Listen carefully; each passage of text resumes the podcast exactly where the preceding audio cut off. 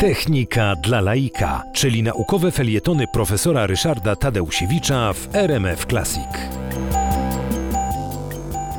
Java to język, e, a właściwie e, bardzo specyficzny sposób e, osiągania celów programowania komputerów opracowany przez firmę Sun Microsystems. Tam James Gosling wymyślił ten sposób. Mianowicie zamiast pisać program w taki sposób, że komputer sobie go przetłumaczy do kodu wykonywalnego, czyli od razu do czegoś, co potrafi rozwiązać, w przypadku Jawy pisze się program, no oczywiście właśnie w tej tejżeż jawie. To bardzo przyjazny i taki sympatyczny język.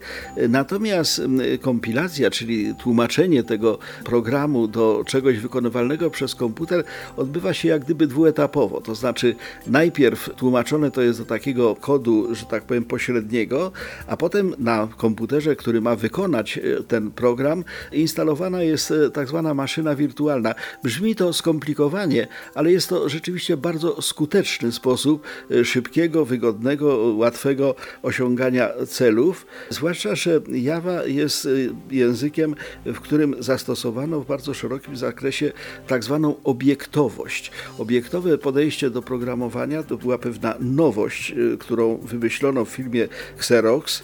Tam został zbudowany taki język Smalltalk i obiektowość polegała na tym, że zamiast pisać, co trzeba zrobić, to opisuje się pewne podmioty, pewne obiekty, które mają wykonywać pewne czynności, porozumiewając się ze sobą, wysyłając sobie różne komunikaty, ale pozostając dosyć niezależne.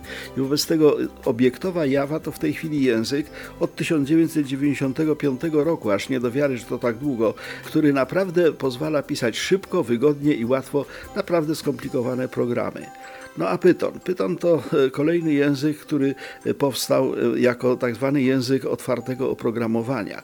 To Guido van Rossuma w 1991 roku zaproponował język, który przede wszystkim miał być maksymalnie czytelny, a ponadto oferował bardzo dużo gotowych elementów.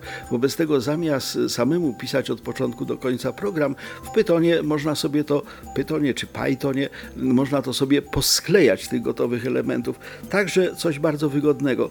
Oba te języki powstały w latach 90., ale są popularne do dzisiaj. Dlaczego? No są po prostu bardzo wygodne.